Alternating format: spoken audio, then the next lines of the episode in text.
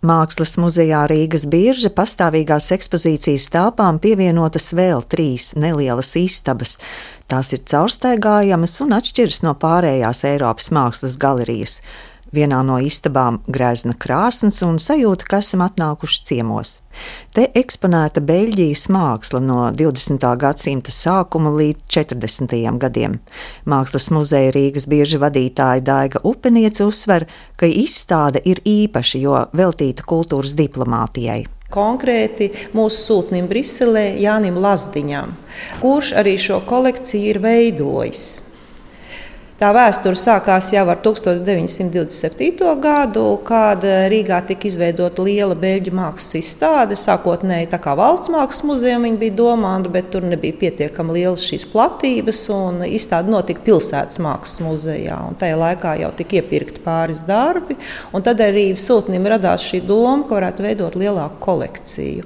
Viņš bija ļoti populārs Briselē. Jā, viņa mājās notika arī dažādi muzikālie saloni. Viņš pats bija mūziķis, violnieks laiks. Un, un mākslinieki ļoti labprāt atsaucās un sāka dāvināt darbus. Kolekcija izauga ļoti liela, pār pa 50 gleznām, un vispār visa kolekcija kopā ir pie 700 priekšmetiem. Jo ļoti daudz ir arī medaļu, daudz ir mežģīņu un grafikas lapu, kas veido to lielo skaitu. Bet, nu, protams, pamata kolekcija ir glezniecība.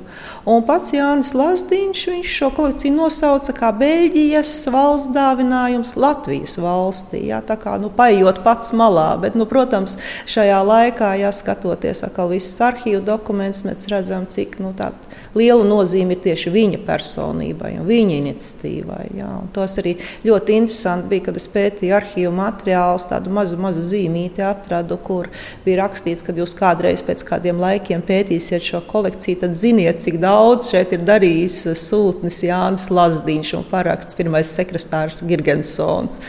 Jūs esat pētījusi tieši šo kolekciju, kas varbūt uh, atklājas Kā mēs zinām, Beļģija veido gan valoņu, gan plāmu kopienu. Parasti vai nu draudzējas ar vienu, vai draudzējas ar otru. Bet šeit mēs redzam, ko nozīmē, ka diplomāts veido kolekciju. Viņam ir izdevies pilnīgi līdzsvaru šajā kolekcijā izveidot. Mēs ļoti labi redzam gan šo valoņu pusi, kur vairāk ietekmes nāk no franču mākslas, un redzam arī šo plānu pusi, kur mēs ļoti skaisti varam sazīmēt brēheli ja, un veco plānu mākslu. Ja. Ļoti interesanti to visu redzēt kopā.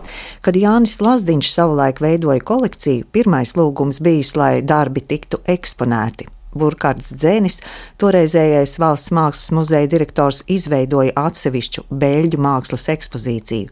Tāda tā bijusi līdz Otrajam pasaules karam. Un tad pēc tam bija diezgan lieli gadu desmiti, kad šī kolekcija bija ļoti dziļi nolikta krātuvēs, jo tā skaitījās, ka tā nu, ir rietumu māksla, un tie jau bija laikmetīgie mākslinieki tajā laikā. Jā, līdz ar to nebija iespēja šo kolekciju rādīt. Un tikai 70. gados kopā ar Čurļoņu muzeju Kaunijā tika izveidota pirmā izstāde, kas bija gan Lietuvā, gan Latvijā, gan arī pirmais katalogs pēc ilgajiem gadiem. Un tad jau sekoja jau izstādēs izstādes, arī daļa kolekcijas bija arī ārzemmākslas muzejā, viņu varēja redzēt ekspozīcijās. Tad bija izstāde liela 2007. gadā, un pavisam nesen bija arī Rīgas biržā tāda interesanta izstāde, kur mēs skatījāmies ietekmes, ja, kā latviešu mākslinieki ietekmējās no šīs kolekcijas, ja, kādiem darbiem, ko šeit atveda. Un, jā, un ar šo brīdi ir atkal ekspozīcija. Tā vairs nav izstāde, ja, bet tā ir ekspozīcija un iespēja tiešām skatīties, kad vien vēlaties ar māksliniekiem, viņu darbiem, bet vispirms ar to atlasi un izstādes iekārtojumu iepazīstina viena no ekspozīcijas kuratoriem Vita Birzaka. Mēs ar uh, galveno glezniecības krājuma glabātāju Kseniju Rudzīti atlasot darbus, veidojot konkrēti šo ekspozīciju ļoti nelielajām telpām priekškolekcijas apjoma. Tomēr eh, paturējam prātā arī to stāstu, kā varbūt skatītājs eh, ietu un eh, nu, vienlaicīgi arī novērtēt to, kā māksla ir mainījusies 19. gadsimta beigas, 20. gadsimta sākums un pēc tam jau 20. un 30. gadi. Un, tieši tāpēc varbūt ekspozīcija sākas nevis ienākot no pirmās telpas, bet tā loģiski aizejot dziļumā un sajūtot tā aizejošā, skaistā laika belle epoha elpu, jo te ienāk arī jūgens stils, ko var redzēt gan Lēna brīnišķīgajā parādas portretā, kas starp citu arī ir. Visa šī jau manas kolēģis Daigas Upinieces pieminētā dāvinājuma ietvaros. Un, pateicoties Lazdeņkunga iniciatīvai, un to ir savulaik tieši Latvijā izvēlējies un dāvinājis Argentīnas konsuls ģentē no savas kolekcijas. Un, nu, tāds 19. gadsimta realisms un labākās salonu mākslas paraugs iezīmē nu, tādu pirms Pirmā pasaules kara laikmetu. Un, līdzās var redzēt arī gan impresionisma mākslas ietekmes, gan tā pašā laikā arī jau pieminēto renesanses un pēcrenesanses laiku, ko turpina arī 20. gadsimta autori. Un šajā telpā var būt kā tāds akcents un priekšmeti, kas ir bijuši ļoti maz eksponēti, ir mežģīnas, jo visā kopējā dāvinājumā ir eh, arī daudz mežģīņu paraugi, gan no Francijas, gan no Beļģijas, gan arī no Itālijas. Un tās ir gan knipelētas, gan eh, adatas tehnikā šūtas mežģīnes. Stikla vitrīnā apskatām mežģīņu paraugi, starp tiem arī slavenās Briseles mežģīnes. Izstādītas arī skulptūras un akvareļi, Turpina Vita Birzaka. Protams, jāpiemina arī, kas mūsu muzejā ir vairāk kā 70 darbi. Tie ir brīnišķīgi virtuozi ar Māna Rasenfosa gan zīmējumu, gan akvareļi. Mēs esam divus izstādījuši kā paraugus un slavenā Luija Maskrē marmora skulptūra, meitenes portrets, kuru tieši šim Latvijas dāvinājumam ir pievienojis paša mākslinieka atraitne savulaik, 30. gadu sākumā. Beļģu māksla ar savu vitalitāti un krāsu izjūtu ir tuva arī latviešu māksliniekiem, un daudziem no viņiem tā savulaik devusi ierosmi un radošu impulsu.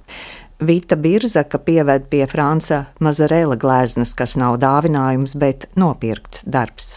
Frants Mazarels ir eh, tas mākslinieks, par kuru savulaik 44. gadā Kurts Friedrichsons rakstīja savā grāmatā Purvīts Königs Mazarels kā par tādu vienu no atslēgas autoriem, kurš ir latviešu māksliniekiem licis nu, no tādas diezgan poētiskas, romantiskas glezniecības izteiksmes kļūt skarbākiem. Jo gan tēmu ziņā, pievēršoties tādai izteiktai darba cilvēka, strādnieku, zvejnieku, zemnieku dzīves attēlošanai, gan arī kā viņš to dara.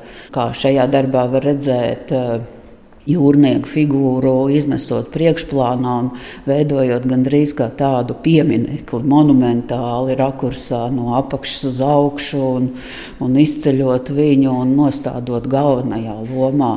Un eh, te varbūt arī ir tas salīdzinājums eh, vai stāsts, kas veidojas no šī skaistā laikmeta uz daudz skarbāku dzīves realitātes attēlojumu.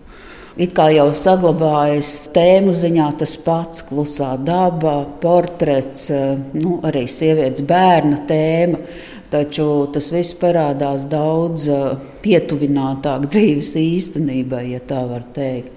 Un tā pašā laikā pieminētās atsauces uz renesanses mākslu, piemēram, ir Nervija grupas, tā ir tāda Beļģijā radusies mākslinieku grupa 20.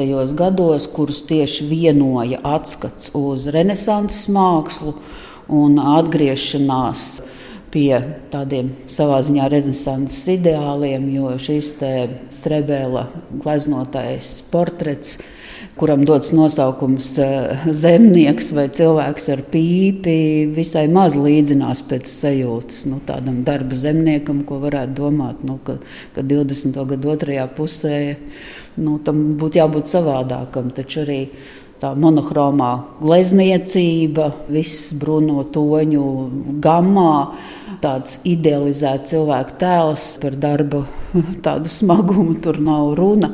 Tas ir vairāk par nu, tādu ideālu noskaņu, un tas ir vairākos darbos, gan Anto Karta, gleznotajā meitenē, gan arī iepriekšējā telpā Navēza iedomība, glezna, kas eh, runā drīzāk par noskaņu, par eh, simboliskām lietām nekā par reālo dzīvi. Savukārt ekspozīcijas pirmajā telpā skatāmi divi lieli vārdi beļģu mākslā - Izidors Opsomers un Eižens Lārmans. Skatoties varbūt eh, uz telpu kopumā, kur ir trīs gleznas un divas skulptūras, mūsuprāt, ļoti precīzi iezīmējas tā sajūta, par kuru varbūt ir domājis Lazdiņkungs un Pols Lambots, viņa sadarbības partneris Beļģijā, toreizējais Beļģijas ārlietu ministrijas izstāžu kurators.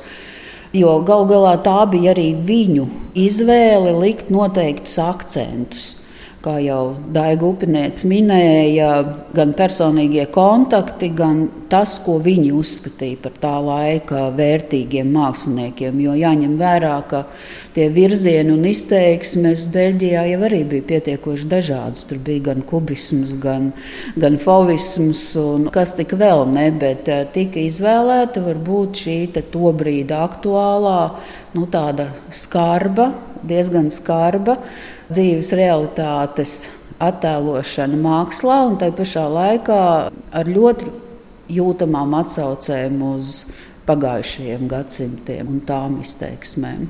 Vienā no ekspozīcijas telpām skatām arī paša Latvijas ārkārtējā sūtņa un pilnvarotā ministra Beļģijā Jāņa Lazdiņa fotoportrets no arhīvu materiāliem un latviešu mākslinieka, kura radošā dzīve saistīta ar Beļģiju, augusta bija veidota Lazdiņa medaļa. Kolekcijā ir ap 200 medaļu. Daiga upeniece vēl papildina par Jāni Lazdiņu un citiem dāvinājumiem. Viņš bija viens no izcilākajiem mūsu diplomātiem starpkara periodā. Pēc kara viņam izdevās emigrēt, un viņš atgriezās atpakaļ Briselē, bet, protams, vairs nevarēja būt sūtnis. Viņu paņēma ārlietu ministrijā. Viņš strādāja nu, cik es zinu, pat tulku. Jā, katrā ziņā viņš atgriezās šajā pilsētā. Jā, bet uh, viņš nav vienīgais diplomāts, ar ko ir uh, saistīta mūsu kolekcija. Mums ir piemēram antīkās mākslas kolekcija, kas ir Miķēlis Walters. Vai šobrīd, piemēram, mums ir tikko jauns dāvinājums, brīnišķīgi sudraba mērķa trauki no tās augtās Rīgas servīzes, kas ir radīta 18. gadsimtā Rīgas pilī. Un tas atkal ir Džons Medvedskis, mūsu goda konsuls Filadelfijā. Tā kā šis process nebeidzās, jā, viņš turpinās ar brīnišķīgiem dāvinājumiem risinājumiem Latvijas valstī. Ekspozīcija ir tikai neliela daļa no Beļģijas kolekcijas, un, kā piebilst Mākslas muzeja Rīgas bieža vadītāja, darbi tiks mainīti, lai skatītājiem būtu interesanti no jauna iegriežoties muzejā.